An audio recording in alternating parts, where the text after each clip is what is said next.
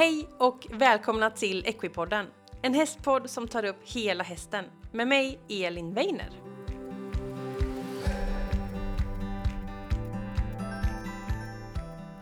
Då vill jag hälsa dig varmt välkommen till veckans avsnitt av Equipodden. Och eh, ja, det blev en liten paus eh, förra veckan. Ibland blir det mycket att göra eh, och eh, jag kände att jag ville inte riktigt stressa ihjäl mig så mycket för det var väldigt mycket den veckan. Men jag är så glad att du lyssnar just nu för det här avsnittet är värt att vänta på.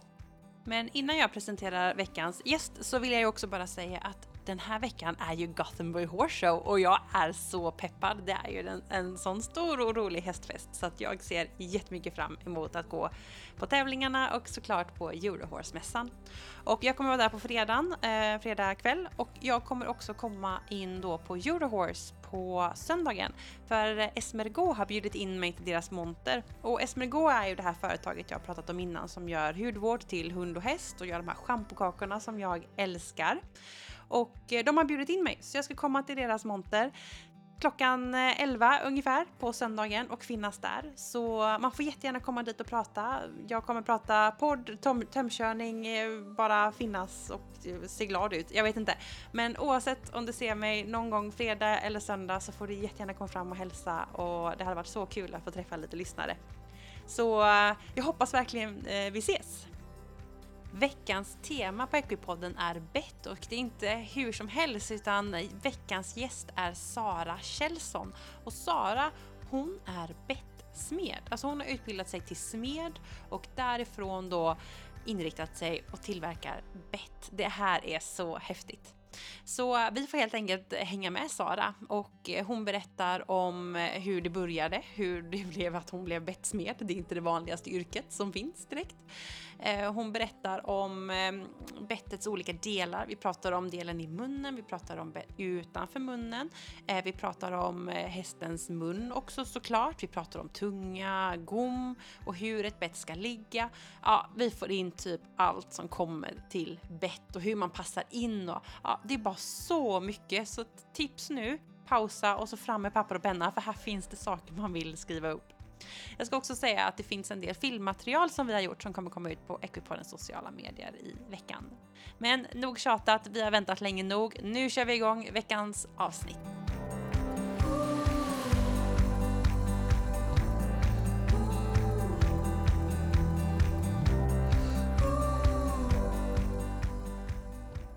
Då sitter jag med Sara Kjellson. Hej Sara! Hej Elin! Hur mår du? Jag mår bra. Känns lite så här, vi har ju varit här och pratat och filmat lite så det känns lite konstigt att säga hej första gången. Men eh, vi får ja, säga hej för poddens skull. Ja. Så är det. Mm. Och vi är utanför Lidköping. Ja. Eh, på Slätta. Ja, säger man precis. Nästan, ja. ja. Under Vänern. Ja, precis. Mm. Det är två kilometer till Vänern mm. härifrån. Mm. Ungefär. Väldigt vackert. Ja. Mm, så, vi trivs väldigt bra här på vår gård. Ja, mm. jättefint. Mm. Och vi är här och vi ska prata bett idag, för du är ju bettsmed. Ja. Och eh, det trodde jag nästan inte att man kunde vara. Men det har jag lärt mig att det kan man ju vara. Så det här ska bli jättespännande. Vi ska prata bett, vi ska prata om hur man kan skapa och smida bett och lite om hästens mun och bett och, och allting helt enkelt. Vi får se vart vi hamnar.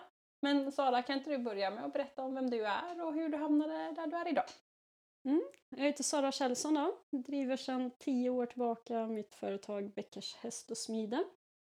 Eh, men det började långt innan dess. Jag har mm. alltid varit väldigt intresserad av betsling på mm. hästar. Jag, redan på min första medryttarhäst så hade jag så här, hmm, undrar om man kan rida i remontgrimma. Det var ju långt före internet och allt det här. Så man, ja, ja. Det var ju det var ingen som pratade om betsling på det sättet då. Så jag provade lite med han och sen fick jag min första egna häst, mm. en quarterkorsning.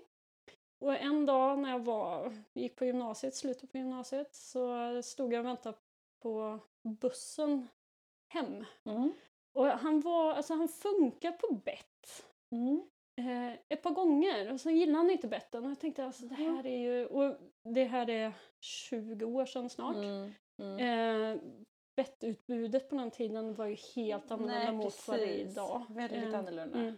Ja. Idag finns det ju valmöjligheter. Då såg alla bett Mm. lite likadana ut även om de hade lite olika skänklar och olika Mm. ringar och sådär Mm. så var ju mundelarna väldigt lika.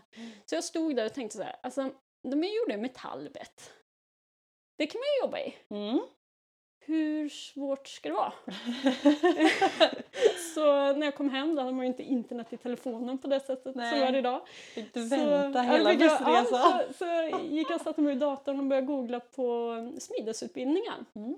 För jag tänkte att då får jag väl göra ett till hand. Mm. Och på den vägen är det. Coolt. Eh, Jag gjorde ett bett under första året på eh, utbildningen som, till honom. Mm. Och det bettet tyckte han faktiskt om. Var det enda och jag försökte med lite fler bett för jag tänkte att sån tur, ja, men det var inte så svårt. Men det, Mm. det var faktiskt det bettet han tyckte om.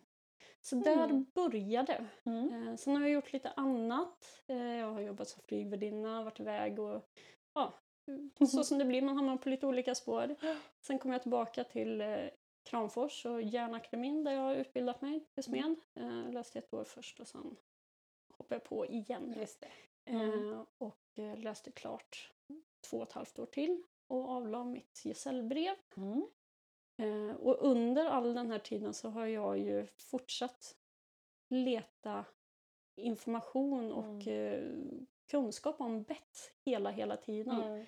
Eh, och det har ju tagit mig lite överallt. Jag har varit hos Torbjörn Lundström, jag har varit i Tyskland, jag Mm. alltså hamnat lite överallt. Ja, På jakt på Ja, kunskap. men precis. Eh, och jag söker så mycket jag kan. Eh, jag gillar evidensbaserat. Jag gillar Mm. att lyssna på veterinärer som Mm. jobbar med hästmunnar. De Mm. ser vad som händer. Mm. För det finns så mycket kunskap idag som kanske är baserat på Ja, lite L- tyckande och Mm, lite... Precis, så jag gamla försöker, metoder. Ja, precis. Eh, och sen har jag ju de bästa lärarna och det är ju hästarna. Just det. Så Eh, fint. Den erfarenheten hästarna har gett mig är grunden i det jag står på. Och det matchar det veterinärerna säger och det tycker jag är väldigt, väldigt fint. Då blir det en sån här yes-känsla liksom. Ja. Ehm, och sen flyttade jag hem och sen dess har jag drivit min smedja här hemifrån Mm. och gör special. Jag smider nästan endast bett. Ibland Mm. får jag frågan om något annat men det är lite såhär, ja hur många år har du lust att vänta? För det, det hamnar alltid sist på Sist på listan, Ja, precis. Ja. Eh, och jag smider ju bara specialanpassade bett. Jag Mm. smider för individerna. Jag har inget sortiment utan man hör av sig till mig och sen... Det är ett bett till hästen liksom. Precis. Spännande. Mm. Alltså, då går du ju en generell smedutbildning, eller hur? Mm, så att precis. man blir smed och Ja. sen så har du valt att inrikta dig då på, På- häst. ja, eller just på bett. Ja, men, Det finns ju de som skor, eller med skor och så, att Mm. man smider. Ja, det, det är en vanlig fråga. Åh, Ja. Gör du hästskor då? Nej, de köper vi. Det, är lätt va? Precis. Lite Eh, lättare att passa in en sko än ett bett. Kanske. precis. Just det. Och så ett gesällbrev och det är ju ändå sån slags så här, att man har avlagt någon form av prov för att visa att man kan kunskaperna, eller hur? Ja, Mm. så jag besitter grundläggande kunskaper. Egentligen så är det ju det. Idag blir det ju mer, men det är ju att Mm. man är, det är ett inträdesprov i yrkeslivet. Precis, ett Eh, hantverksprov. Precis. Ja. Så kan. Finns det många som smider bett i Sverige? Eh, det finns några till som har börjat lite. Kul. Eh, ja, jättekul. Eh, men jag har hållit på längst. Mm. Eh, och jag, ja, Precis, att man, men det är kul att man blir fler, då kan man Ja. också prata och och det kanske blir lite. ett gäng till slut. Ja? Kanske inspirera någon Ja. Som står på en Mm. busshållplats och tänker Ja, att det kan nog inte vara så svårt att göra ett bett. Mm. Men tre års utbildning, det är ändå ganska länge. Vad gjorde ni där då? Eller vad lärde ni? Då är det massa grejer antar jag? Allt. Ja. Alltså, och det, är ju, det finns ju jättemånga tekniker inom eh, smide. Mm. Eh, så alla de teknikerna går man ju igenom och tack vare att man kan de olika Mm. teknikerna så kan Mm. man ju smida yxor, man kan eh, göra Mm. gångjärn, grindar. Just det, Eh, ganska stora grejer. Ja, ofta är det mycket stort. Ja. Jag gillar att ha grejer som jag kan bära omkring på. Det, tycker jag, det blir lätt tungt och, otympligt. Så jag, Ja, en hel grind är inte så enkelt. nej, då Nej, behöver man nästan vara två. Just det. Mm. Ja, vad spännande. Och så in i det här då. Och driva ditt eget helt enkelt. Det är ändå också ett steg att Ja. göra det. Ja, Mm. Vill du berätta om det? Ja, alltså det, det fanns ju inte så mycket valmöjlighet när Nej. man började tillverka bett och börja sälja och eh, När, man, när du vill arbeta med ja, det så är det är ju du det, måste det, är göra. ju det självklart. Mm. Och jag, det är ju inte bara bett utan jag har ju också rådgivningar Mm. och kurser och Tillpassning och lite så. tillpassningar. Ja. Ja. Vi ska säga det innan vi pratar mer här att vi, jag har ju varit här ett tag och vi har filmat i Smedjan Ja. när du gjorde en mundel så Mm. vi fick se lite när det blev sådär varmt. Mm. Och så har vi varit lite i stallet med din fina lilla ponny och eh, visat lite i munnen. Så det kommer komma upp på sociala medier lite mera filmmaterial. Eh, så ville bara säga det så för att ibland kanske vi hänvisar till att vi har grejat, tänker jag. Eh, men jättespännande och eh, det är en väldigt fin smedja som du har här. Mm. Med ett sånt här, eh, vad heter det? Det här där det är varmt. Ässja. ja, just det. Mm. Och så eh, man kan slå på alla verktyg och så mycket putsning och filning förstod Ja, jag. Precis, det är Mm. mycket filning Mm. i eh, min tillverkning. Och Mm. kollar man på bettsmed är ju inte ett yrke som är så vanligt idag. Nej, precis. Men det har ju funnits. Eh, Mm. Det hette spormakare förr. Jaha. Och jag har böcker där man ser gamla eh, koppar... Vad Mm. heter det? Sådana kopparplåtar som Mm. man... Eh, och det är ju jättemycket filning i det här Mm. för att det ska bli bra för hästen. Alltså det, ska, fin- det ska inte finnas något fast. Det ska, Det ska inte vara vara... mjukt ja, och- precis. Härliga linjer och Ja. sådär. Och Det här ska bli jättekul för att Ja. som sagt jag visste inte att man kunde jobba med det här innan jag hittade dig så det känns väldigt spännande. Men om vi ska börja ta oss in det här så kan vi börja prata lite om liksom själva processen att göra ett bett. Eh, och den här liksom smidesprocessen kanske man kan säga. Kan du inte börja så här om, om man kommer till en häst då och kanske vill med en konsultation och så vill någon vill ha ett bett. Vart, vart börjar du då? Ja, men då börjar jag med att kolla på hästen, kolla på mungipa, kolla på tungan, kolla på gommen, kolla på underkäken, kolla lite avstånd mellan eh, framtänderna, betan om de har dem Mm. och kindtänderna. Så, man har, så jag får ett grepp om hur munnen är på hästen. Sen pratar jag mycket med ägaren, vad de har Mm. ridit på för bett Mm. innan, vad det är som funkar, vad det är som är svårt, när det blir ett problem. Och ta med mig den, den delen också. Mm. Sen ser jag dem gärna rida, Mm. för det är inte bara hästen som ska ha bettet, det är även ryttaren. Just det. Och Just även det. om hästen vill ha ett bett så är inte det säkert att det matchar med Nej. ryttarens hand. Förstår. Eh, Så den får man ju också väga in så man får Mm. får det funka bra för både häst och ryttare. Mm. Eh, Och när jag har gjort det, så, och sen pratar vi såklart om vad man ska ha bettet till. Vill Mm. man rida eh, berida stridskonst eller vill man eh, tävla dressyr eller vill man bara ha ett bra bett till sin häst när man är ute och rider i skogen. Mm. Eh, Man har för mål och, och tankar om sin ridning Mm. och utifrån det då, allt, lägga ihop det och sen skissar jag fram ett bett. Mm. Eh, Så får man lite olika förslag och har man ibland så bara åh jag tycker det här är så fint. Lite Så detaljer. kommer det med. Ja. Ehm, och sen skissar jag fram det så får man kolla på skisserna, säga att ja men det där blir fint, det tycker jag om, det där ser Mm. bra ut. Mm. Då börjar jag smida. Mm. Eh, och då tar jag råmaterial, eh, räknar ut hur mycket jag ska ha. Mm. Det som är klurigt med bettsmide är ju att det är symmetriskt och det är spegelvänt. Mm. Eh, det är alltid lätt att göra en sak. Mm. Det är mycket svårare att göra en till likadan. Precis. Så det, jag är väldigt noga med hur jag mäter och hur jag utformar. Mm. Eh, För för mig är det väldigt viktigt att, även om hästarna inte alltid är symmetriska, så tänker jag att vi är inte så duktiga idag, så Mm. vi kan tillverka asymmetriska bett för att hjälpa Mm, hästen Jag rätt. förstår. Det Ja. gjorde man förr. Mm. Eh, Då kunde bettsmederna och hästmänniskorna så mycket som man, man faktiskt kunde hjälpa Coolt. upp Mm. hästarna. Eh, Mm. Idag tänker jag att vi gör det så enkelt som möjligt. Vi börjar inte gidra i munnen på hästen utan vi, vi låter bettet vara som det är så kan vi ju se var det andra kommer ifrån. Mm. För det är ju ofta så att det som händer i munnen är ju inte... Det är ju bara en, eh, en reaktion på vad som har hänt i resten av kroppen. Det är ingen, alltså, det är ingen isolerad plats för hästen utan det kan vara så att den har ont i, i en bakkota. Mm. Och det syns i handen. Det är därför Mm. den är lite hård Ja, i höger- sidan, eller ja, hänger precis. lite eller Ja, huvudet på precis. sned. Ja.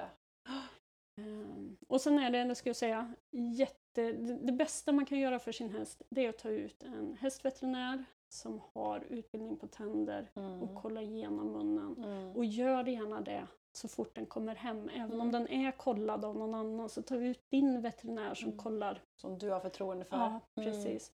Som kollar igenom. För det, det, kan, alltså, det kan finnas så mycket som ställer till problem Mm. som du inte löser. Innan du börjar köpa 7-8 bett och ingenting funkar så är det bättre att börja i den änden. Precis. Så att jag har känner att jag har en kollad häst och sen Mm. då kan jag skapa ett bett Mm. utifrån den. Mm. Och, Och sen när bettet är klart, mm. då får man hem det. Mm. Så får man provrida det. Och sen får man känna på det. Och så känner man så här, nej det känns inte riktigt bra. Eh, att Det har inte hänt så många gånger men någon gång har det Ja, hänt. det kan Eh, men det är lite, lite trångt eller sådär. Ja. Då skickar man tillbaka det så fixar jag till det. För jag vill, alltså jag är ingen bra företagare. Nej. Jag brinner för att hästarna ska få ett bett som de trivs med. Precis. Det är mitt mål med det jag gör. Mhm. Och för att man ska våga beställa ett bett av mig så är det också viktigt för mig att det är en produkt man kan använda Mm. som jag levererar ut. Som blir bra. Exakt. Så då gör jag om. Ja. En eller två gånger. Ja. Tills det blir riktigt Ja, bra. precis. Och sen känner man, skulle man då inte i alla fall känna att det blir bra, då är det faktiskt upp ett köp. Mm. Så då tar jag tillbaka betten. Eh, Och det... Då hamnar de på hög. Ja, då hamnar de på hög. Och det är ju det. Jag, jag har tänkt så här, men det blir bra. Men alltså det kommer tyvärr inte in så mycket bett. För det är bra att ha när jag ska visa och sådär. Ja, men precis. de kommer inte tillbaka så Nej, det är ändå ett gott tecken Mm, det är det. att det går bra. Mm. Och um, hur kan man se då att hästen trivs på bettet eller inte? Alltså jag letar efter en alltså, det, det, I filmerna som vi har spelat Mm. in så blir det väldigt tydligt. Det finns inte plats för ett bett i hästens mun. Nej. Och det ska man vara väldigt, väldigt klar med. Det som hästen måste, och det är inte naturligt för en häst att ha bett i munnen för det är deras sätt att få i sig föda Mm. och de söker föda så många timmar om dygnet så det är ju det är en väldigt stark Precis. instinkt Ja. att använda munnen för det den är till för. Mm. Så jag, dels så får man ju vänja hästen vid att ha bett i munnen. Mm. Det, är, det är inte självklart. Eh, har man aldrig träffat en unghäst med, som får in bett i munnen första gången så är det svårt att förstå hur onaturligt det är. Ja, är konstigt det kan bli. Ja, precis. För de vill ju antingen så vill de äta upp det Mm. eller annars vill de spotta ut det. Och de Precis. kan inte göra något av det. Det är alternativen. Mm, precis, men det är det de har sin mun till. Ja, Liksom. något hamnar i munnen, det ska i eller ut. Ja, men precis. Ehm, men det jag vill är att hästen gör plats för Mm. bettet i sin Mm. mun. Inte att bettet tar platsen Mm. utan hästen vill göra plats. Viktig skillnad. Mm. Eh, och det innebär att hästen blir stilla i munnen. Och det kollar jag på, på stallgången när jag provar betten. Eh, börjar där. Eh, och blir de det, då är det det att rida på bettet. Men jag vill Mm. inte att de tuggar på det, de ska inte slinga upp det mot tänderna. Mm. De ska inte greja massa på, med det. De får absolut känna på det när man stoppar i dem. Vad är det för, för skrot jag har i munnen liksom. Mm. Det får de jättegärna göra. Mm. Men de ska bli still. Mm. De ska bli lugn. De ska su alltså, suga tag i Mm. bettet. Inte tugga på det utan göra plats. Och det kan man se om de verkligen gillar chipett. Så när man tar av tränset så, Mm. ibland så håller de ju kvar bettet. Det, för när trycket från sidorna Ja. släpper så är det kvar. Ja, liksom. för då håller hästen bettet i Mm. munnen på sig. Så Mm. det kollar jag på. Mm. Och sen får man ju då prova att rida. Mm. Eh, och där kommer ju ryttaren in också. Just det. Eh, och det, jag tror vi behöver lära oss att ta mer ansvar. Mm. För det är faktiskt vi som lägger trycket i hästens mun. Och jag Mm. vill ju att trycket hamnar på mjukdelarna, på musklerna. Så tunga och mungipor vill jag ska bära bettet. Jag vill Mm. aldrig komma ner på lanerna. Mm. Eh, Det är min målsättning. Mm. För där kan de hantera trycket. Det är precis som vi vill hellre ha ett slag på muskel än på en benås. Precis, det finns en anledning till att man säger att man får, det är ont att få på smalbenet Ja, till exempel för där sticker ju benet Ja, ut. Mycket jämfört- bättre att få eh, ett slag på vaden. Eller hur? Mm. Eller rumpan. Eller, typ. de- ja, precis. Det är mycket muskler. Om man ska välja vart jag vill bli slagen så... Nej, jag skojar bara. Ehm, nu kommer jag av mig. Ja. Vart var vi?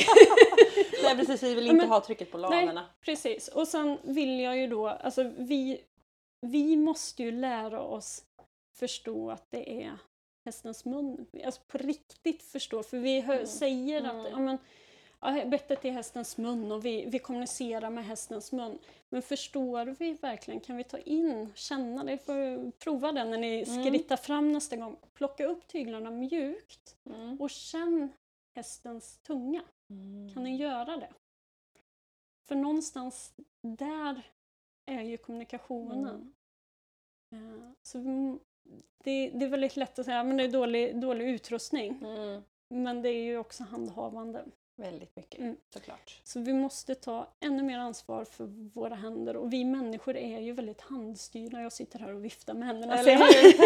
Eh, Vi har aldrig sett de här gubbarna på hur, Precis. hur mycket... Hur hjärnan ja, men- ser andra människor så Ja. är det jättestora händer och stor mun. Ja, precis. Det är viktiga grejer. Mm. Och det innebär ju att även om vi tror att vi är finstämda med händerna Mm. så kanske vi inte är det. Nej. Och det är ju, vi pratar om att vi ska rida med handen, att vi rider med handen. Men hur Mm. många har öppna händer? Hur många Mm. har slutna händer Mm. med ett rejält grepp Mm. om tygen? Mm. Vad rider du med då? Ja, möjligtvis handlederna, men du Mm. rider ju inte med fingrarna om du Precis. spänner fingrarna runt tygen. Eh, och många rider ju faktiskt med armarna. Precis. Våra det blir ganska stora. Ja, precis. Och hästar är jättekänsliga. Om vi bara låter dem vara det. Precis. Eh, Så där finns ett jättestort ansvar hos oss Mm. som jag är, tycker är jätteviktigt att belysa. Att Mm. vi faktiskt måste ta det ansvaret Mm. när vi stoppar in någonting så onaturligt som ett bett i hästens mun. Precis. Väldigt intressant. Och det, den här processen den är ju ganska lång och, men det ska leda fram till det här fina kommunikationen. Liksom. Men om man skulle jämföra ett handsmidigt bett som är utprovat och skissat jämfört med ett eh, massproducerat bett. Kan Ja. man hitta rätt även på de Ja. massproducerade? Ja, jag kommer ju ut till folk som Åh, jag vill ha ett handsmittbett. Jag bara, du behöver inte det. det, Man vill ha det för att. ja, ja. Eh, det, det, det finns, det är så kul idag för nu har det är både kul och svårt för hästägarna men för Mm. min del, alltså så som jag ser på det, så finns det så mycket bett på Mm. marknaden idag. Så idag finns det det här som gjorde att jag blev smed. Precis. Det finns idag. Mm. Det finns så mycket olika varianter. Det är Mm. inte bara ett tredelat utan det finns jättemånga olika former på ett tredelat. Mm. Och det innebär ju att det går ju att hitta någonting som passar Mm. till din häst även på den vanliga marknaden. Mm. Ofta, de jag har ju bett till, det är de hästarna som det inte funkar med. De, de funkar inte Ja, med dem, Man har testat sig Ja, fram och men inte precis. hittat rätt. men de är känsliga på Mm. något sätt. Mm. Ja. Mm. Eller annars så vill man bara ha något fint till sin häst. Precis, Så och du gör ju mycket stångbett också. Ja. Till typ lite akademiskt eh, Ja. och lite så. Ja. Eller hur? Det gör. Och det beror egentligen väldigt mycket på, jag gör tränsbett också men det är inte de som syns så mycket. Nej. För det finns ju som sagt ganska mycket tränsbett. Mm. Men eh, det beror ganska mycket på att de jag gör bett till är ofta inte tävlingsryttare. För Mm. TR är ganska... Fyrkantig kan Ja säga. men precis. Eh, och det gör att det inte är säkert att man kan komma ut på tävling med mina bett. Det beror Mm. på hur överdomaren dömer. Mm. Jag har haft den här diskussionen med eh, Ridsportsförbundet och då, Mm. då skulle jag också köpa ett bett på Som man är säker Ja, på. precis. Som Ja. kommer gå igenom för det är så tråkigt att ha tränat. Ja, tråkigt att någonting. träna på något och så måste Ja. jag precis dagen ändra. Ja, Liksom. precis. Mm. Ehm, men inte med det sagt att jag inte gör till tävlingsryttare också utan det är hela vägen. Precis. Och man har ju alltid något, man ska ju variera betten Ja. också. Precis. Så att man kan man ha olika. Mm. Men hur lång tid tar det att göra ett bett ungefär? Det beror på. Mm, Eh. Men någonstans mellan eh, 10 och 30 timmar mm. skulle jag säga. Mm. Eh, Och så får man jobba en stund och sen så behöver det vila Ja, och precis. det tar jag, jobb, dagar. jag jobbar ju på ett sätt där jag går in och jobbar det ganska noga. Så jag Mm. går in och jobbar effektivt ett par timmar. Sen låter jag ofta sakerna ligga. För sen vill man gå tillbaka och kolla. Ibland kommer jag ut i smedjan och de är jättenöjd. Går in för kvällen. Mm. Kommer ut på morgonen och så vad... Och det här? Hur, ska, hur tänkte du här? Ja. För då är det små detaljer som jag inte riktigt är nöjd med. Mm. Och jag vill hålla den höga nivån så Mm. jag jobbar på och av så Mm. man får lite perspektiv till det jag gör. Mm. Jag har ganska höga krav på det jag släpper Mm. ut härifrån. Det är bra. Mm. Perfektionisten är där och knackar på va? Ja, det ska vara så. Mm. Jätteintressant och det som jag tycker är lite häftigt när man får se ett sånt här hantverk. Jag fick ju vara med när du gjorde lite här uppe. Men det är ju in i den här värmen och så kommer det ut helt glödande och du sa att det var typ 800 grader. Ja, mellan 800 och 1000 grader. Ja, så att det börjar, inte smälta, men det Men blir liksom mjukt. mjukt och Ja. det här Mm. verkligen lysande Ja. och så slår man för att forma och så din blick och titta på det. Ja, det var väldigt spännande så att eh, ni måste, ni som lyssnar nu, ni måste in och titta på de här filmerna sen. Mm. Men precis den processen har vi pratat lite om. Material då? Ja, jag jobbar i vanligt konstruktionsstål. Mm. eh, För det är det materialet jag kan bäst. Mm. Eh, varje material, legering heter det ju. Det är ju alltid ju stål som är järn. Precis, det är Eh. Ja. mm. Och då har man olika tillsatsämnen och eh, alla legeringarna har sina eh, egenskaper. Mm. Och rostfritt är lite känsligt. Det är, det är lätt att det blir lite sprickbildning när man, Mm. och framförallt då när jag jobbar med så tunna material och Precis. mycket formning och sådär, att det, det blir sprickbildning och jag vill inte att betan går sönder. Nej, det är ju ändå en Eh, säkerhetsgrej ja, också. precis. Mm. Ehm, och sen finns det ju, alltså bett idag finns ju alla möjliga Mm. material. Mm. Eh, och vissa är lite bättre och vissa är lite sämre. Mm. Eh, men de allra flesta är ju rostfritt och Mm. de rostar inte. Och Mm. Det är lite Det är det här glansiga vi Ja, känner precis. igen. Liksom. mm. Mm. det som ser sil- silvrigt ut. Precis, väldigt vackert. Mm. Mm. Men för dina bett, de kan bli lite rostiga så då. Känner de smak, hästarna? Eh, det gör de. Mm. Eh, och det är också en av anledningarna till att jag jobbar i det materialet jag gör. Mm. För det smakar någonting. Mm. Det rostfria är, det smakar ingenting.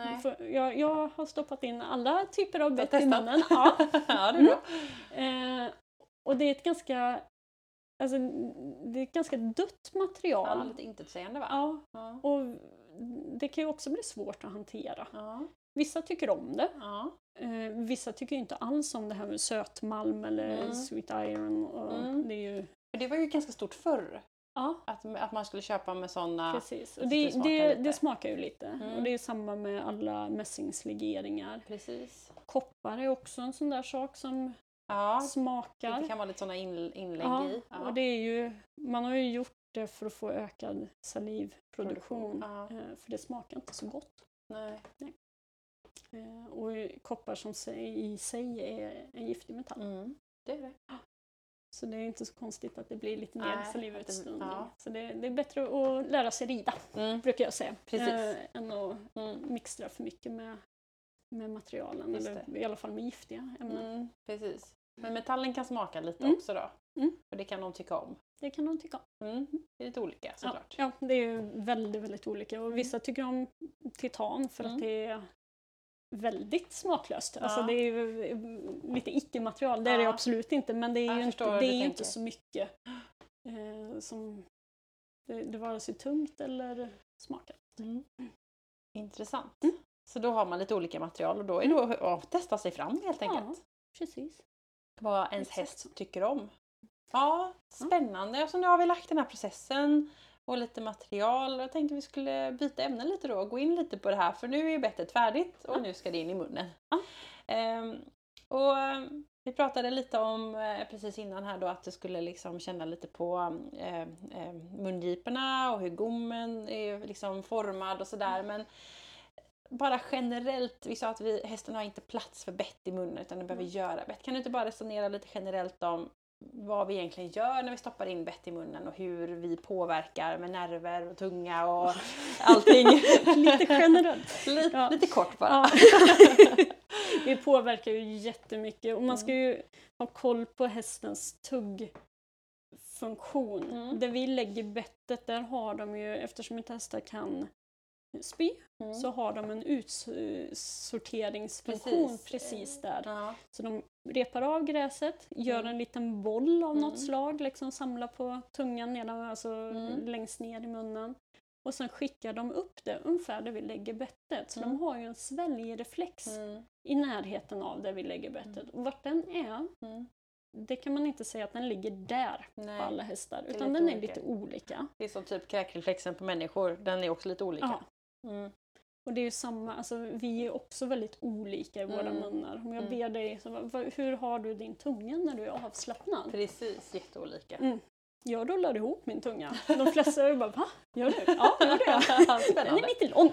Ja. Ja. Och så är det ju för hästarna med och det är Ja. samma med sväljreflexen. Och så därför kan man inte heller säga att bettet ska ligga på den här höjden. Mm.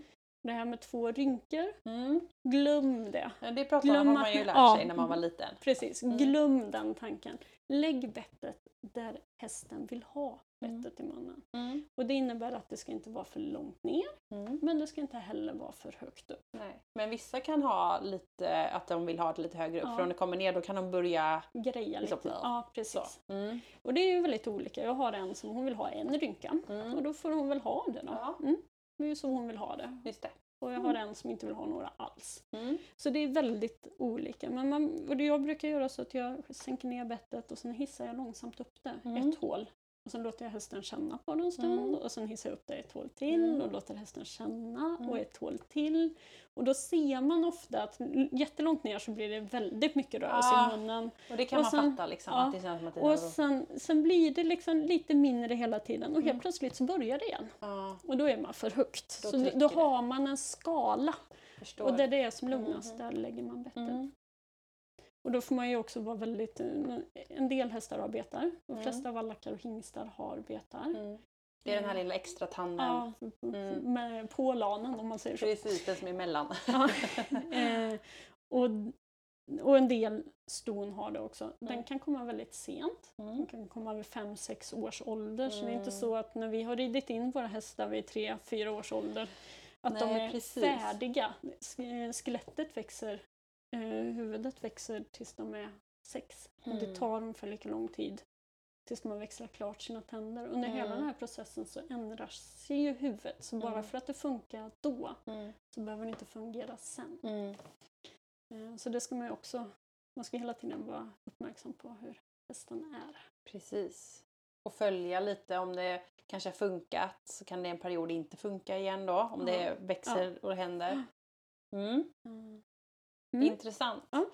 Och betten kan ju se väldigt olika ut. Alltså vi har ju en bettdel i och vi har ju lite som sticker ut på sidan. Ja. Kan man säga så? Ja, det kan man göra. Ja. Eh, Mm. Om vi skulle titta lite på bettets liksom uppbyggnad, för där tänker jag att de också tycker väldigt olika Ja, eh, vad de vill ha. Och i dagens marknad så finns det ju verkligen väldigt Olika. olika stor variation. Ja. Men, så jag tänkte vi kan dyka in lite i den delen. Om vi ska börja, vi börjar med i munnen Ja, då kanske? det, det är väl enklast. Det känns väl bäst, va? Ja, precis. Mm. Eh, och då tänker jag så här att gör det inte mer komplicerat än vad det behöver vara. Jag vill ha så enkla bett som möjligt. Mm. Alltid så enkelt som möjligt. Mm. Du ska lätt själv kunna säga, ah, vad händer när jag tar i tygen? När jag Mm. tar i höger tygen, vad Mm. händer med bettet då? Hur Mm. inverkar det i min hästs mun? Mm. Du måste liksom kunna tänka den tanken klart. Du måste Mm. förstå vad det är som händer i hästens mun. Mm. Eh, och då vet man lite vad... Då har, då har man tagit sitt ansvar Mm. lite grann så. Yes. Så jag... Oledade bett, superbra bett. Mm. Eh, kan kännas lite stumma att rida på för att Mm. vi inte är vana vid att Mm. hästen kan ta hela tungan och trycka bort bettet. Eh, det påverkar ju faktiskt, om, man, om hästens mun är stängd Mm. eh, så påverkar det faktiskt översäken också. Mm.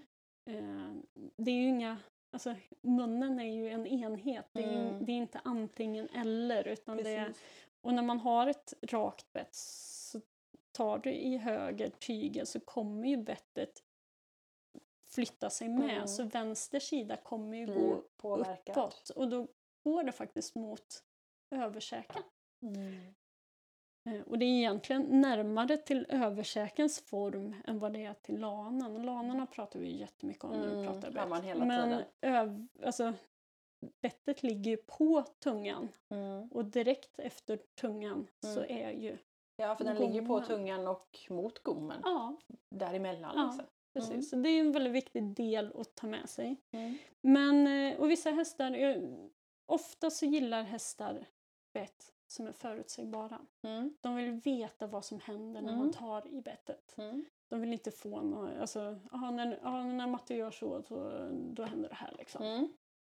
Då är det lugnt för Mm. dem. Eh, och ju färre leder, ju enklare är det att veta vad som händer. Mm. Precis. så.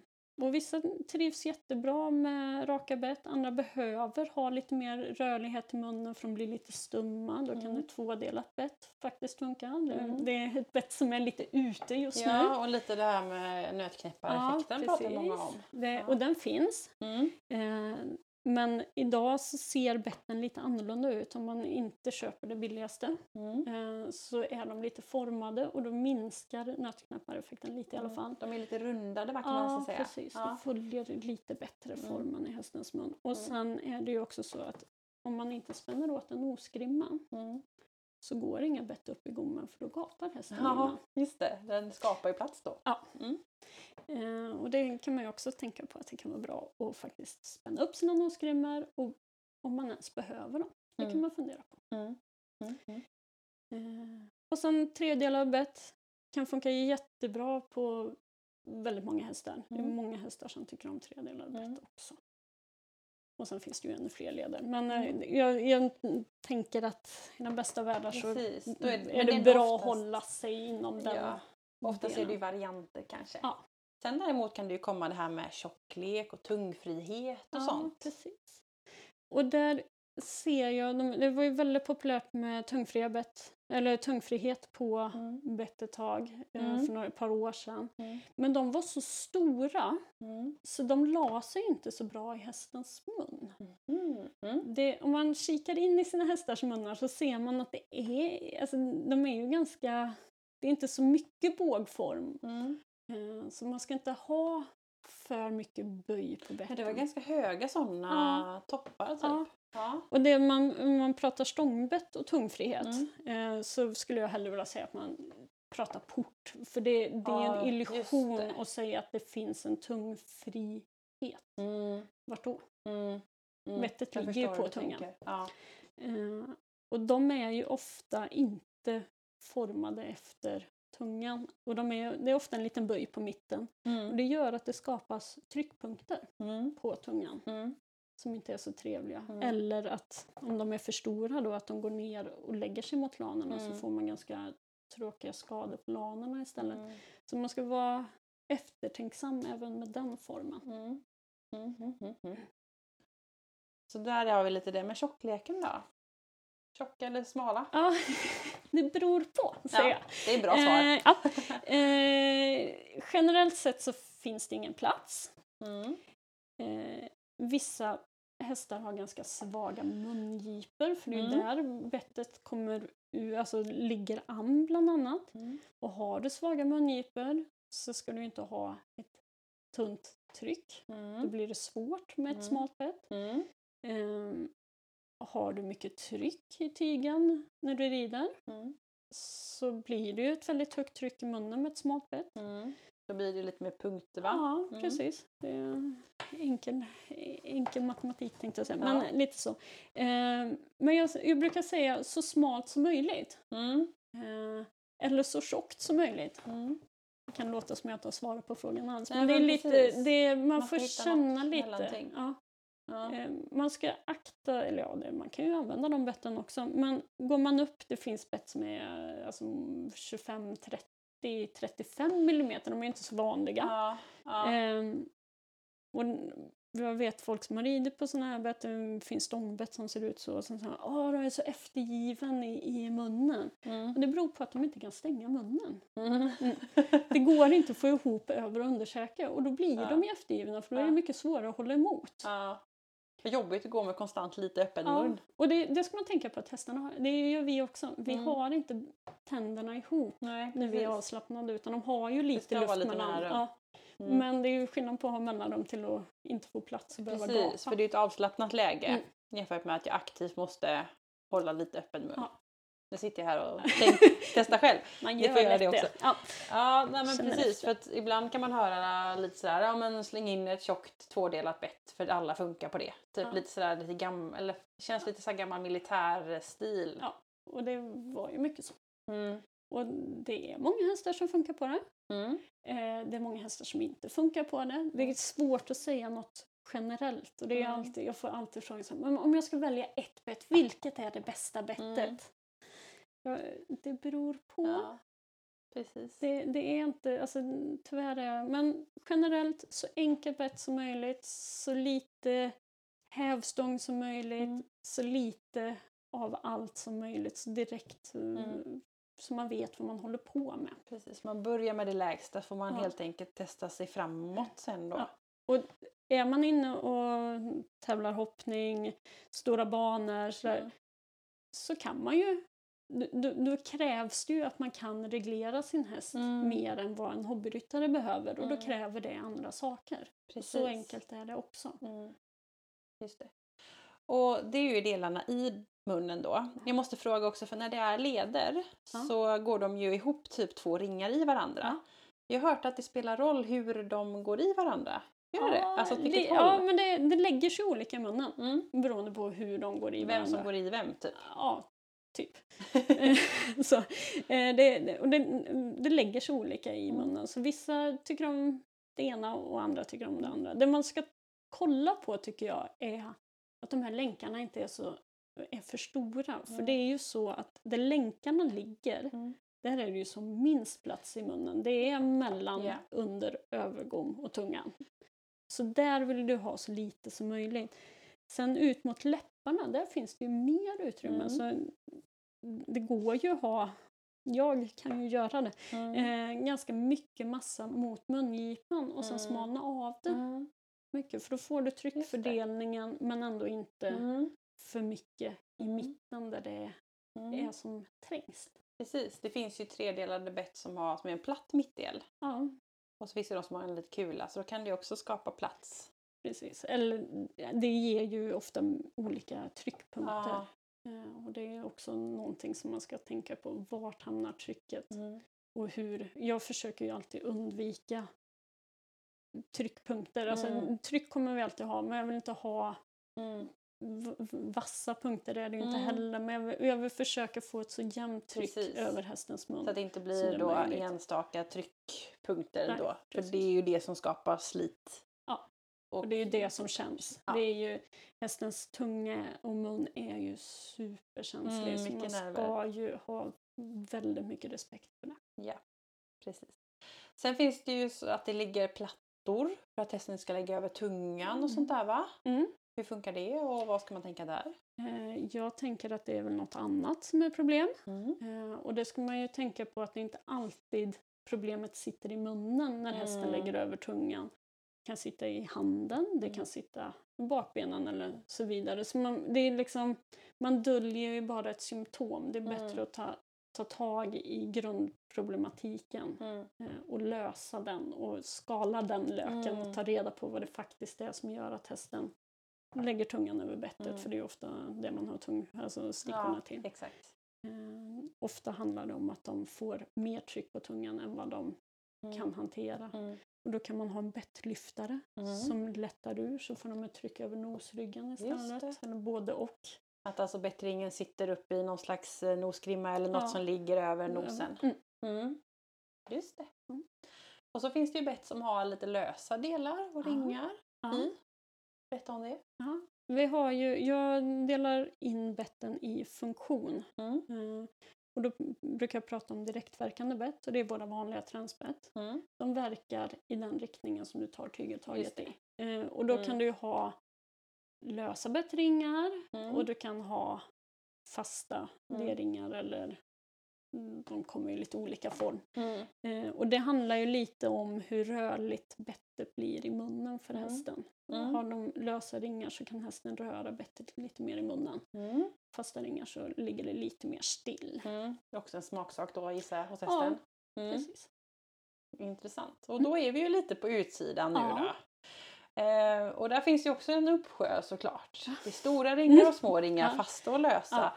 Och så blir det ju, de är ganska populära. Heter de brauskärbett när det är den här lite övre Ja, skänken precis. bara? Och så finns Ja. det stångbett såklart. Vad ska man tänka där då?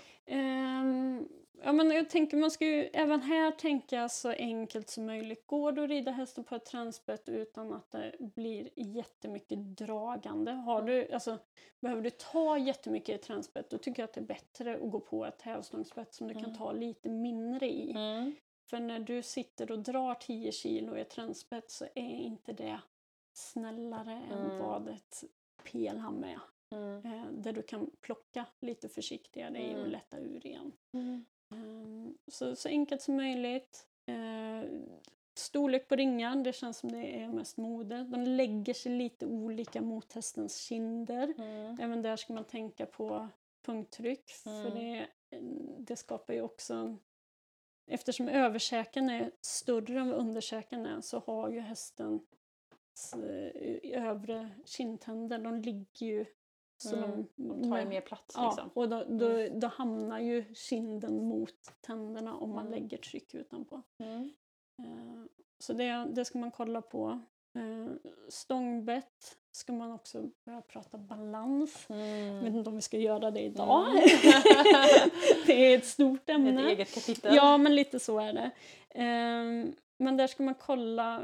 Man, man ofta så blir det lite så här slentrian att ja, men ju längre skänkel desto skarpare bett. Precis, det har man hört. Men det det handlar är om av, eller förhållandet mellan underskänkeln, det som är under mundelen, Mm. ner till bett, eller tygelinfästningen, Mm. eh, och överskänkeln, det som är från mundelen och upp till tränsinfästningen. Mm. De allra flesta bett, och även de här äldre betten, de här asstora betten, en halv meter stora skänklar, Ja. så är det faktiskt så att det är en tredjedels överskänkel och två tredjedelar Mm. underskänkel. De håller alltid samma. Ja, de, Mm. det, Ungefär. det är något magiskt där, för det händer ganska mycket om man börjar skjuta på det här. Mm. Och det är där man kan se hur mycket utväxling du har i Mm. ditt... Det är ju som hävstångsprincipen, alla har vi sett den stora stenen och så pinnen och den lilla stenen. Och beroende på vart du lägger stenen så blir det olika stark. Precis. Och hur lång pinnen är. Ja, Precis. Eh, Men det, det spelar ju roll vart mundelen är. Precis, vart På. brytpunkten Ja. är i bettet. Ja, fattar. Ehm, och sen ska man ju också tänka på med stångbett, de är, hästars huvuden är trekantiga. Om du ställer dig framför din häst så kommer du se att hästens huvud är trekantigt. Precis. Våra stångbett de är raka. Ja. Eh, så den överskänken den går ju ofta upp mot första kindtanden Mm. och skapar eh, tryck Mm. eller gör så att hästen får sår. Så, och det, då säger man, jag, har ju en annan infallsvinkel på bett. Jag, Normalt sett så går man till butiken och säger hm, jag behöver ett bett, undrar vad som finns. Ja. Jag tänker så här, åh jag behöver ett bett, nu ska vi se vad jag kan göra. Mm. Och det gör ju att jag har en annan, eh, en annan approach än vad många har. Har Mhm. andra möjligheter helt enkelt. Ja. Men stångbetten är ofta raka och då säger man gå upp en storlek Mm. för kindtänderna. Precis. Jag vill ju att man böjer ut överskänken och det Yes. kan vara ganska mycket. Mm. Ehm, för tar du bara en storlek större Mm. så är tryckpunkten fortfarande kvar. Mundelen den blir för stor för hästen så bettet börjar glida fram och tillbaka i munnen. Mm. Eller vicka Mm. kan den också göra om man har en, en hel oledad mundel. Mm. Men börjar bettet glida i sidled så kommer tryckpunkten likväl hamna på översta kindpunkt, äh, kindtanden, eller första kindtanden. Ja. Och viker du, böjer du ut överskänklarna så ligger den ju an hela sidan upp. Mhm. Så då blir du av med det Mm. eh, punkttrycket. Det ser man inte så ofta när man tittar i affärerna. Eller? Nej. Finns det i affärerna? Det, det börjar komma lite. Ja. Jag vill gärna ha mer än Mm. det som är, men man får också nöja sig ibland. Ja. Mm. Eh, men det, det är lite viktigt att, att tänka på. Och det, bettet, det blir mindre punkttryck om du böjer ut överskänken än om du går upp en storlek. Mm. Och vissa hästar blir ju jättestörda när mundelen börjar glida fram och tillbaka. Precis, för risken med en större storlek är också att det som sagt börjar glida ja, och blir, röra sig. mer. Ja. Mhm. Mm. Spännande! Mm. Och när vi pratar lite stångbett så får man väl lägga till att då har man ju en kedja också. ja, Berätta lite om denna den. viktiga detalj. Ja, den lilla! ja det, är- det är jättespännande. Vi, vi är ju så vana vid att vi, vi har våra kedjor och sen tar vi en kindkedja i tunneln för att den ska bli lite mildare. Mm. Eh, Men när jag var med nere i Tyskland blev inbjuden dit och kolla när de red på de här gamla betten. Mm. Då är det lite historiska bett Ja. vi pratar om. Historiska bett och de var ju, det var ju jättebett liksom.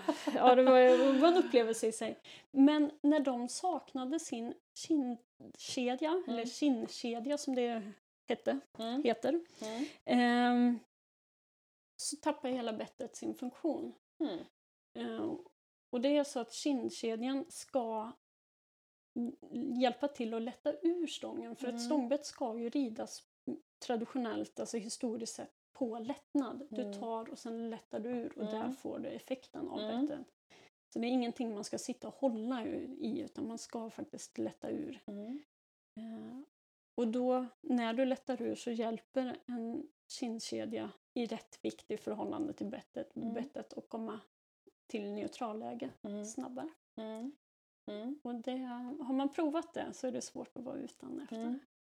Men det är just när det kommer till stångbetten Mm. då. Det funkar ju inte på ett vanligt nej, bett. Eller det- nej, nu säger jag vanligt inom Ja, citationstecken. ja, men men jag tror ni förstår vad jag menar. Så stångbett. Och, och den kan man ibland eh, känna att den kanske inte är så viktig, men då är den Den verkligen är det. jätteviktig för eh, bettets funktion. Mm. Eh, Det gör att bettet inte går upp i Mm. munnen och Mm. lägger tryck. Eh, Det är den som stoppar det från att gå upp hur långt som helst i munnen och Mm. lägga tryck på Mm. kindtänderna och sådär. Så kedjan är jätteviktig för stångbetten. Mm. Och, Och att det är den ska vara rätt. eh, Spänd, ja. Mm. Mm. För det det är många som tänker att Åh, den, jag spänner den löst Mm. så, så blir det snällare. Men då går, slår bettet runt i munnen på hästen och det blir inte bättre och det glir, går uppåt i munnen. Mm. Så det ska någonstans mellan 30 och 45 grader säger man. Just för att det. man ska spänna kedjan. Mm. Och då ligger skänken i mungipan och så från mungipan då ska jag kunna ta. Ja. typ 30 grader. Ja. Sen ska jag börja känna om Ja, jag har precis. fingrarna då. Ja. Mm. Mm. Bra. Och um, där står det ju er då, om man citerar den, att det också ska finnas en skumrem. Ja, Vad är det? det är en liten läderrem som fästs. Den finns ju på både pelham och på kandagestängen så finns det ett litet hål på skänken Ja. som man bara, vad är det här Lite till mitt för? på Ja. nästan, eller lite Ja. längre ner. Ja. Mm. Där skulle det sitta en liten rem som går från ena skänken genom den här ringen som är på kindkedjan, för den Mm. man ju också den är liten till extra Mm. ring. ja. Genom den och sen fäster man den i nästa skänkel. Mm. Och den gör så att hästen inte kan slå runt bettet uppåt i munnen. Mm. Eh, och det eh, behövs ju framför allt på kandagestängen, de här som är lite lättare Mm. bett som hästen lätt kan slå runt. Och det blir väldigt obehagligt för hästen. Mm. Så det ska man absolut ha på sina Mm. kandagstänger eller pelham. Precis. Så de Och inte... jag tänker på kandar också när du har Mm. två bett. Ja. Att det gäller att de inte då hamnar fel. Ja. Då är det Mm. viktigast Ja. kanske, eller väldigt Mm. viktigt. Det är viktigt på pelham också såklart. Men eh, ja, Mm. förstår. Ja, vad intressant. Det, är mycket, det känns ändå lite svårt det här Det är svårt. för och det, hästägaren. ja, eh, och det, det är svårt, det är mycket att ta till sig. Mm. Eh, men försök tänk logiskt. Försök bara, ja men vad händer när jag tar i det? Hur reagerar hästen när jag tar i det? Eh, försök bara logiskt jobba igenom de betten ni har hemma. Och Mm. Vart går gränsen för vad din häst klarar av att bära Mm. tryckmässigt? Mm. För det är också en väldigt viktig fråga. Det är inte så att ett bett löser aldrig några problem. Mm. Eh, Ett bettlöst löser inte heller ett problem. Nej, utan det, precis. det är liksom, man måste... Hästen har ju... De är ju individer, de behöver ha olika saker. Så börja kolla på din häst. Kolla hur den reagerar när du tar den. När är den slår med huvudet. Alltså, börja på riktigt tänka på det. Sen Mm. finns det ju... Jag finns. Mm. Och det finns ju andra eh, vettutprovare som är duktiga som man kan höra av sig till och få hjälp att hitta rätt. För Mm. det är inte så lätt. För mig känns det lätt men det är Mm. inte så lätt när man inte har lagt så mycket tid som jag har gjort. Precis. Och det är också det ganska dyrt. Det blir väldigt dyrt om man ska prova sig fram. Ja. Så då är det skönt att ta ut någon som Mm. Kan ge lite riktlinjer. Ja, precis. Eller Men, eh, har många bett som man kan provrida. Precis. Men det finns ju faktiskt ehm, också ridsportsaffärer där man kan eh, låna bett. Ja, det, Det, vet jag finns i Kungsbacka till Ja, exempel. För det är bra lite, så. Ja. Mm. Eh, där man kan låna och det är också faktiskt väldigt, är väldigt, väldigt, bra. Ja. Man har lite lånebett. Ja. Men ehm, det finns ju som sagt så mycket på marknaden och Mm. eh, vi pratade lite innan här att ett bett kanske inte löser problemet precis som du också har sagt Mm. Sara. Liksom det Mm. här att jag kanske har ett problem i ryggen eller har någon stelhet, snedhet, gammal skada eller aktiv Ja. skada som kan påverka då vad som händer i hästens mun.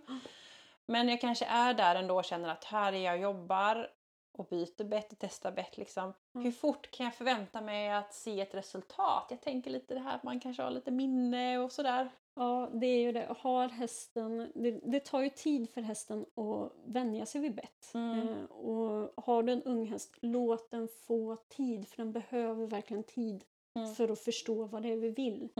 Eh, och provar du ett nytt bett på en häst Mm. så har den förväntningar att det här kommer göra ont eller det är, Mm. det är inte bekvämt att ha i munnen eller sådär.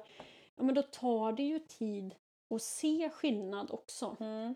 Eh, och den tiden behöver man ge hästen. Och det, Mm. alltså, det är ju helt omöjligt att säga om det är fem minuter eller om det är tre veckor eller Mm. ett år. Mm. Vissa hästar behöver ju jättelång tid på sig att få en god relation till bettet igen för att Mm. den litar inte på människans hand. Mm. Det är ju inte betten i sig som är farliga eller liksom Mm. som skadar hästen Ja, utan det är ju precis. hur vi använder betten. Det är lite tråkigt Mm. att ta till sig men Mm. det är faktiskt vi som brukar betten på hästen. Mm. Och ett bett är en hästmun som står på en stallgång eller man longerar utan att, att fästa i bettet. Där skadar inte bettet i sig. Och gör Mm. det det då är det ju inte ett bra bett. Men Mm. eh, generellt sett så gör det ju inte det utan det är ju när vi använder, alltså när vi tar i bettet som vi Mm. s- skapar problem Mm. för hästen. Mm.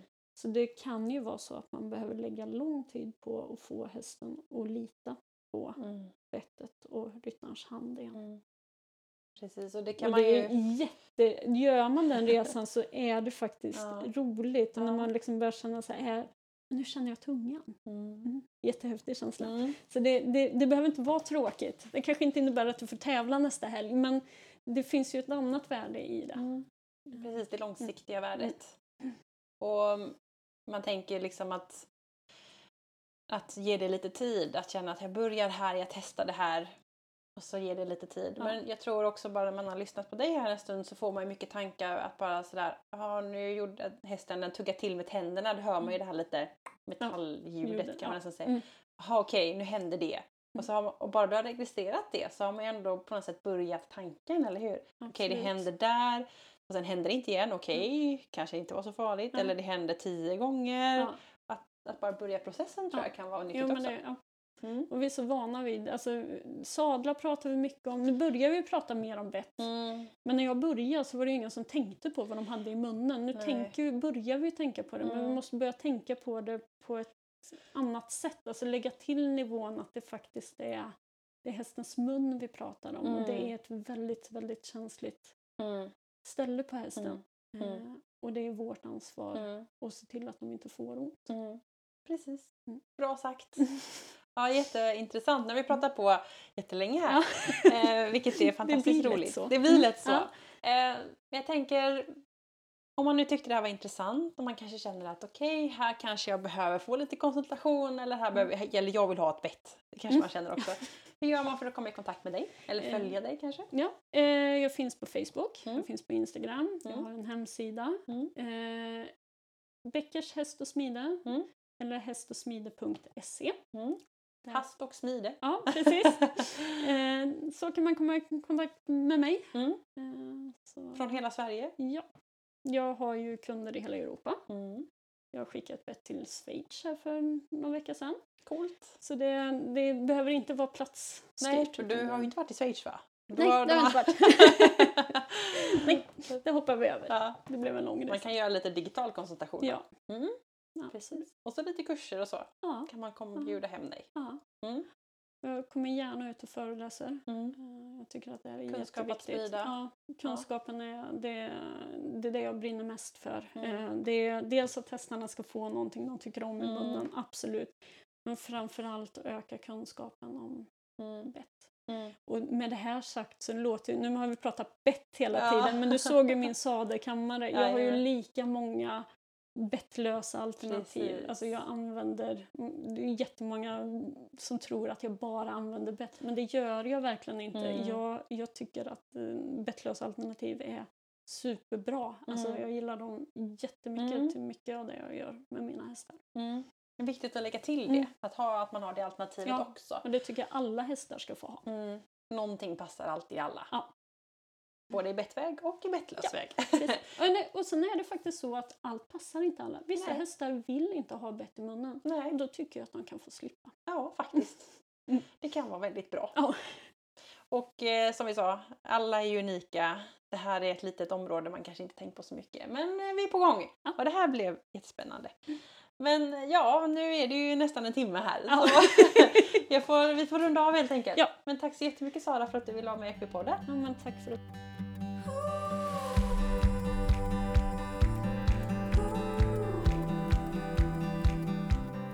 Ja, vad ska man säga? Vilket jäkla grymt avsnitt. Det här är ett avsnitt som jag känner att jag kommer gå tillbaka till många gånger för att det är så många bra delar som man bara vill plocka upp. Och jag har ju redan lyssnat på det här avsnittet några gånger. Dels var jag med på själva intervjun och så har jag ju klippt och sådär. Och bara när jag har lyssnat på det flera gånger så bara, ja ah, just det, det också och det också. Så det kommer bara grejer på grejer. Sara bara matar ut. Helt fantastiskt. Så eh, ett basavsnitt för mig helt enkelt med något som jag känner att det här är kunskap jag behöver ha och kunna komma tillbaka till och det är ju mitt mål. Och som vi har sagt nu då även i podden, det är att vi har ju filmat en del och Sara är supergenerös och visar och delar med sig av så mycket. Så kika in nu på Equipoddens sociala medier, Facebook och Instagram. Där kommer det komma upp grejer och ehm, ja, det, det är riktigt bra grejer så missa inte det. Och eh, ja, vad ska vi säga? Nästa vecka är det puls på temat kan jag säga. Det är också ett sånt här grymt avsnitt som verkligen är sådär fantastiskt nördigt som jag gillar att man kan dyka in i någonting. Så eh, ja, glöm inte följa, lämna gärna ett omdöme, dela med dig. Jag älskar när ni delar på sociala medier. Stort tack när ni lyssnar. Ja, ja, det är helt fantastiskt. Så får jag säga, ha en fantastisk vecka så hörs vi snart igen. Hej då!